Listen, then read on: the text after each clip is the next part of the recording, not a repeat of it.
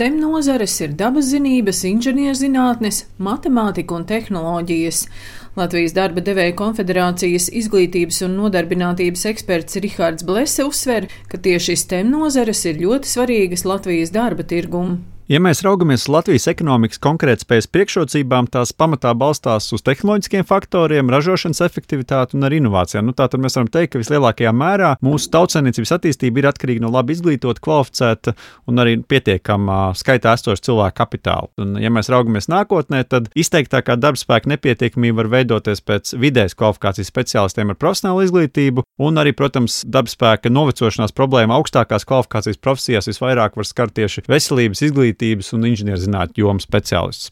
Savukārt, ja mēs skatāmies uz to skolēnu skaitu, kas 2021. gadā izvēlējās kārtot centralizēto fizikas eksāmenu un nokārtoja to ar vismaz 60% rezultātu, tādi jaunieši bija tikai 252. Tad līdz ar to mums kopā ir tāds liels veicams darbs, lai sekmētu interesi par STEM izglītību. Kas var sekmēt jauniešu interesi par fiziku, ķīmiju, matemātiku? Protams, ka skolotāji Latvijas Universitātes pedagoģijas, psiholoģijas un mākslas fakultātes dekāne profesora Linda Daniela stāsta, ka pēdējos gados situācija nemainās, kļūt par skolotāju STEM nozarēs izvēlas maz jaunieši. Dabas zinātņu skolotājus esam uzņēmuši 13 tikai klātienē, neklātienē nevienu.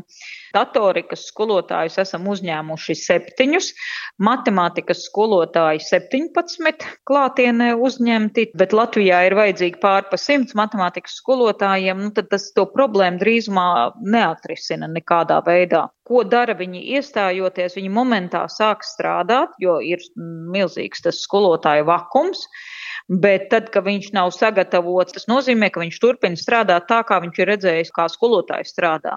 Tad tur atkal var būt viņam pašam gribas ātrāk mukt projām no visas sistēmas. Rīgas Tehniskās universitātes studiju prorektors profesors Uldis Sukovskis stāsta, ka skolotāju trūkums vidusskolās ietekmē jauniešu zināšanas, tāpēc RTU piedāvā studentiem bezmaksas kursā atkārtot vidusskolas matemātikas vielu, bet sāksim ar labām ziņām. Šogad RTU MVU par 13% palielinājies jauniešu skaits pamatstudiju programmās un augusi arī jauniešu motivācija. Citus gadus, nu, ja netika budžeta vietā, tad vienkārši vai nu nestudēja vispār, vai mēģināja atrast programmu, kur vēl ir kāda budžeta vieta.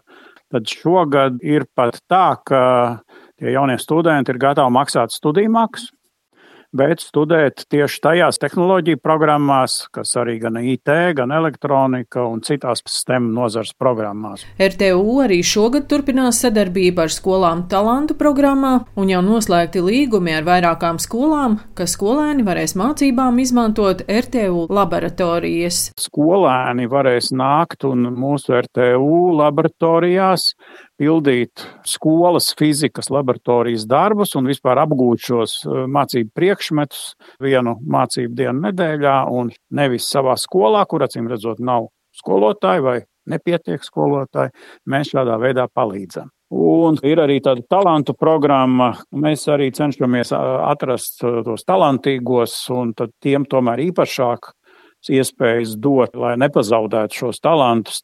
Lai risinātu skolotāju trūkumu skolās, ministru kabinets pieņēma noteikumus, ka tie, kam ir izglītība fizikā, ķīmijā vai citās STEM nozarēs, var kļūt par skolotāju, apgūstot 72 stundu pedagoģijas kursu.